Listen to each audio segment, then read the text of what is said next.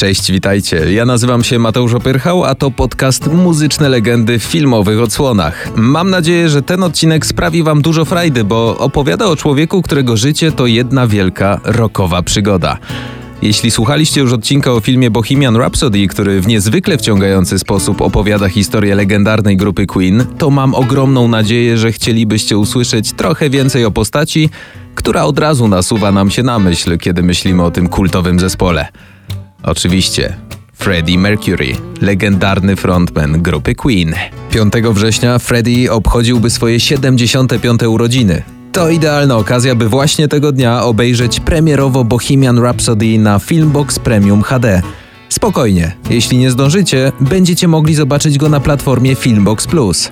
No to teraz przenosimy się 35 lat wstecz na stadion Wembley.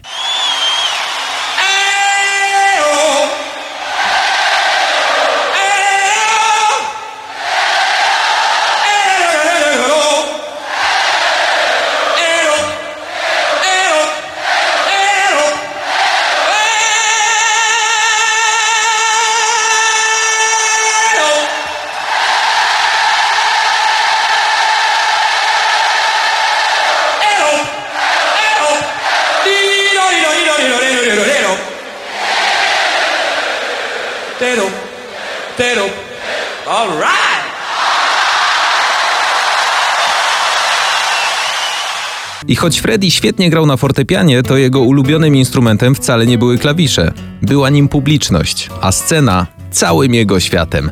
Artysta doskonały, prawdziwy, kochał być na scenie, kochał wiwatujące tłumy, a scena, jak wspomniałem, była jego życiem, bo to z niej czerpał energię i to ona napędzała go do działania. Prywatnie imprezowicz i to konkretny, bo według niektórych obliczeń w całym swoim życiu wydał na organizowanie imprez 5 milionów funtów. Do tego narkotyki, na które podobno przepuścił pół miliona, ale kto by to liczył i kogo to teraz obchodzi? Żył jak chciał, tak żeby czerpać z tego życia jak najwięcej przyjemności i bez wątpienia udało mu się to. Ekstrawagancka osobowość sceniczna. Z takimi opisami możemy się spotkać czytając wzmianki o Fredim w materiałach prasowych i filmach dokumentalnych, ale to tylko opinia z zewnątrz. W środku frontman grupy Queen był nieśmiały, wycofywał się, gdy nie występował, szczególnie w otoczeniu ludzi, których nie znał zbyt dobrze i co powinno też powiedzieć sporo o jego jednak, no, introwertycznej naturze, udzielał bardzo niewielu wywiadów. Nie bez powodu mówię tutaj o nim frontman. Pamiętam jeden z wywiadów, w których Freddy z lekkim zdenerwowaniem podkreślał, że on wcale liderem grupy Queen nie jest. Nie jestem liderem zespołu, wszyscy mnie tak nazywają, jestem tylko wokalistą. To nic takiego, nie jestem wyjątkowy, każdy z naszej czwórki jest równy. Przyjęło się mówić o mnie jako o liderze, ale jestem tylko wokalistą.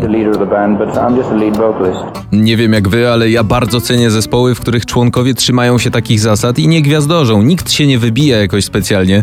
Nie ma parcia na sławę bardziej od innych muzyków, no przecież każdy z nich dokłada swoją cegiełkę, bez której całość nie miałaby po prostu sensu. Taki był Queen, zbudowany na szczerości, przyjaźni jego członków przede wszystkim. Mercury powiedział kiedyś o sobie, kiedy występuję jestem ekstrawertykiem, ale w środku jestem zupełnie innym człowiekiem. Przyjaciele opisywali go jako uroczy, bystry, wrażliwy. Na scenie kochał swoich fanów. Jeden z najciekawszych faktów jego życia to ten, że artysta urodził się na Zanzibarze jako Farok Bulsara, jednak po czasie postanowił zmienić imię i nazwisko na Freddie Mercury właśnie. To z tym przydomkiem scenicznym wokalista rozpoznawany jest na całym świecie, a mało kto wie, że jego prawdziwe imię różni się znacząco od tego przybranego. Mimo swojego pochodzenia, Freddie był bardzo british. Kumple wspominają, że kiedy odwiedzali go w jego domu w Londynie, to jeśli było to popołudnie, ten witał ich porcelaną, cukierniczką i herbatą. W swoich tekstach raczej nie poruszał tematów politycznych. Pytany w nielicznych wywiadach o to, czy jako muzyk i artysta powinien jakoś wypowiadać się na temat sytuacji na świecie, no zwykle zostawiał to Johnowi Lennonowi. Utwory o tematyce politycznej możemy policzyć u Queen na palcach jednej ręki. Na już do głowy przychodzi mi Under Pressure. Możecie dokończyć wyliczankę.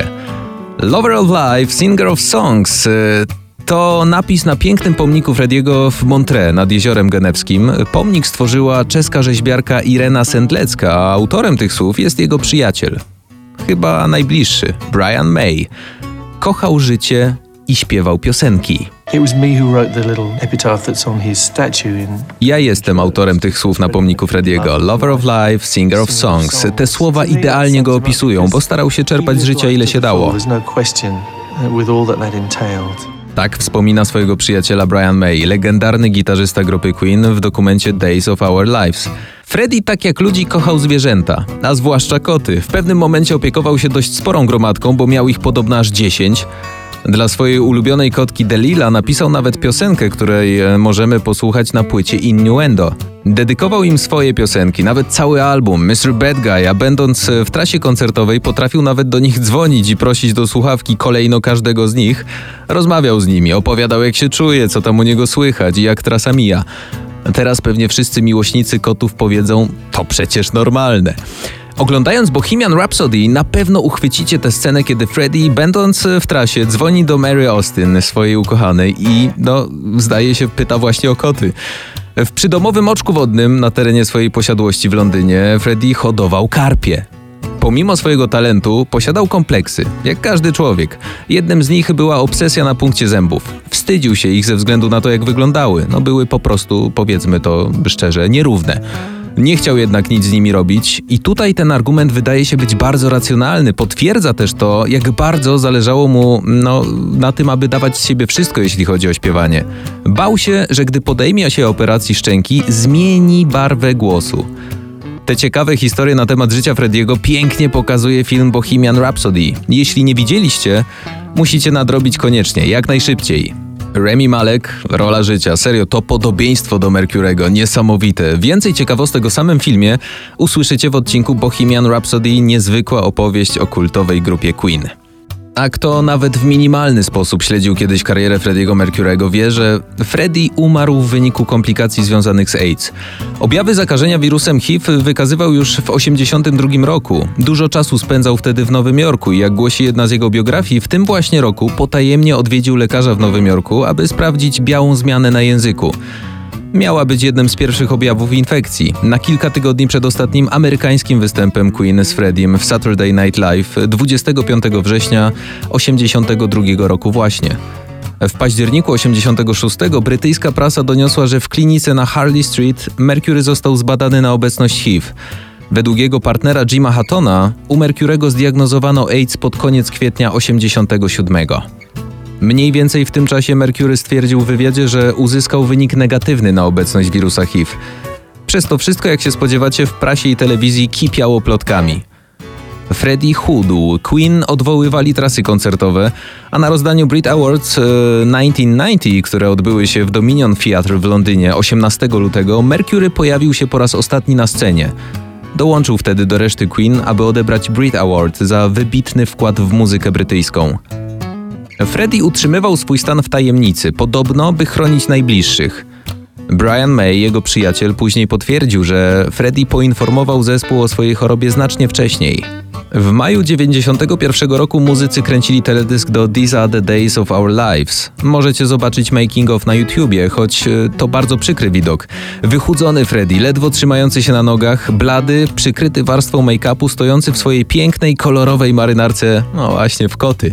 Finalnie w teledysku tego nie widać, bo zdecydowano, że będzie czarno-biały, żeby trochę przytuszować bardzo złą już wtedy formę Frediego. Podczas nagrywania materiału na ostatnią płytę Queen, Freddie pojawiał się w studiu na kilka godzin. Prosił nawet Briana May, aby ten pisał piosenki hurtowo, ile tylko mu się uda, żeby nagrać ich jak najwięcej przed śmiercią. Tyle, ile będzie można, a koledzy dokończą dzieła już bez niego. I faktycznie powrócili do pracy nad Made in Heaven, ale dopiero w 1993 roku, dwa lata po śmierci swojego przyjaciela. Freddie wtedy dobrze wiedział, że jego dni są policzone, i koniec jest naprawdę blisko. W 91 roku zakończył współpracę z Queen, przeszedł na emeryturę do swojego domu w Kensington w zachodnim Londynie, co doskonale możemy też e, zobaczyć w filmie Bohemian Rhapsody. Nie pozwalał na to, by odwiedzali go jego bliscy, bo po prostu nie chciał ich martwić swoim stanem zdrowia, no i swoim wyglądem. Brian May wspomina, że kiedy udało im się do niego przyjść, e, sam mówił, że nie muszą silić się na żadne rozmowy. Sama ich obecność już wiele dla niego znaczy i bardzo im za to dziękuję. Wyjątek stanowiła jego była partnerka, Mary Austin, która w trakcie ostatnich jego tygodni była dla wokalisty prawdziwym wsparciem. I znowu, doskonale widać to w filmie Bohemian Rhapsody. Zresztą cała ich relacja, miłość, przyjaźń są pięknie ukazane w tym filmie. Mówi się o tym, że Mercury zdecydował się przyspieszyć swoją śmierć, odmawiając przyjmowania leków. Na pewnym etapie brał już tylko środki przeciwbólowe. 22 listopada 1991 roku Mercury wezwał menadżera Queen Jima Beacha do swojego domu w Kensington, aby przygotować publiczne oświadczenie, które zostało wydane następnego dnia. Freddie zmarł w swoim domu w Kensington dobę po wydaniu tego oświadczenia, 24 listopada. Miał 45 lat. Only one day after he announced he was suffering from AIDS, rock and roll singer Freddie Mercury is dead. After publicly announcing he has AIDS, rock singer Freddie Mercury is dead. The lead singer of the rock group Queen died tonight in London. He died of pneumonia, a result of AIDS. Bliski przyjaciel Mercurego Dave Clark e, czuwał przy łóżku wtedy, w chwili śmierci Frediego. Tego dnia pojawił się również Elton John. Byli ze swoim przyjacielem dosłownie do ostatnich chwil jego życia. Mary Austin zadzwoniła do rodziców i siostry Mercurego, aby przekazać wiadomość, e, która dotarła do ekip prasowych i telewizyjnych we wczesnych godzinach porannych 25 listopada. Pogrzeb Frediego Mercurego odbył się 27 listopada. Zjawiła się jego rodzina, około 35 jego bliskich przyjaciół, wśród nich na przykład Elton John, oczywiście członkowie grupy Queen również. W trakcie nabożeństwa wybrzmiał utwór Aretha Franklin, a dokładniej wers Take my hand, precious Lord, you've got a friend. W momencie, kiedy to trumna Mercurego została wynoszona. Skremowane szczątki Frediego przejęła najważniejsza dla niego osoba, Mary Austin. Pochowała je w nieujawnionym do dziś miejscu. Freddie Mercury wydał w swoim życiu, tak jak wspominałem, dużo pieniędzy na imprezy, bo kochał życie i cieszył się nim do ostatnich dni ale przekazał też ogromną sumę na cele charytatywne, w tym 30 milionów dolarów na walkę z AIDS. W testamencie Mercurego podział wyglądał bardzo ciekawie.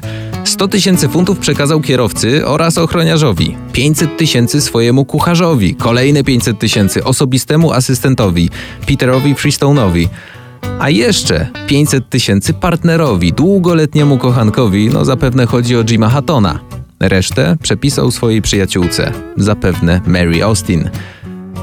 Jego śmierć to bez wątpienia jedna z największych tragedii w historii muzycznego świata. Odeszła ikona muzyki, ale też ikona walki z tą nieuleczalną jeszcze wtedy chorobą. Duch Frediego jednak ciągle żyje. Na płytach, koncertach, w sercach jego przyjaciół, no i filmach. Koniecznie zobaczcie Bohemian Rhapsody.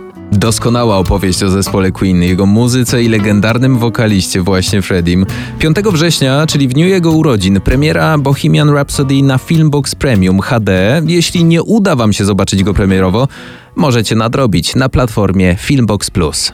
Mateusz Opyrchał, dzięki wielkie za wspólnie spędzony czas. Miłego oglądania. Mama,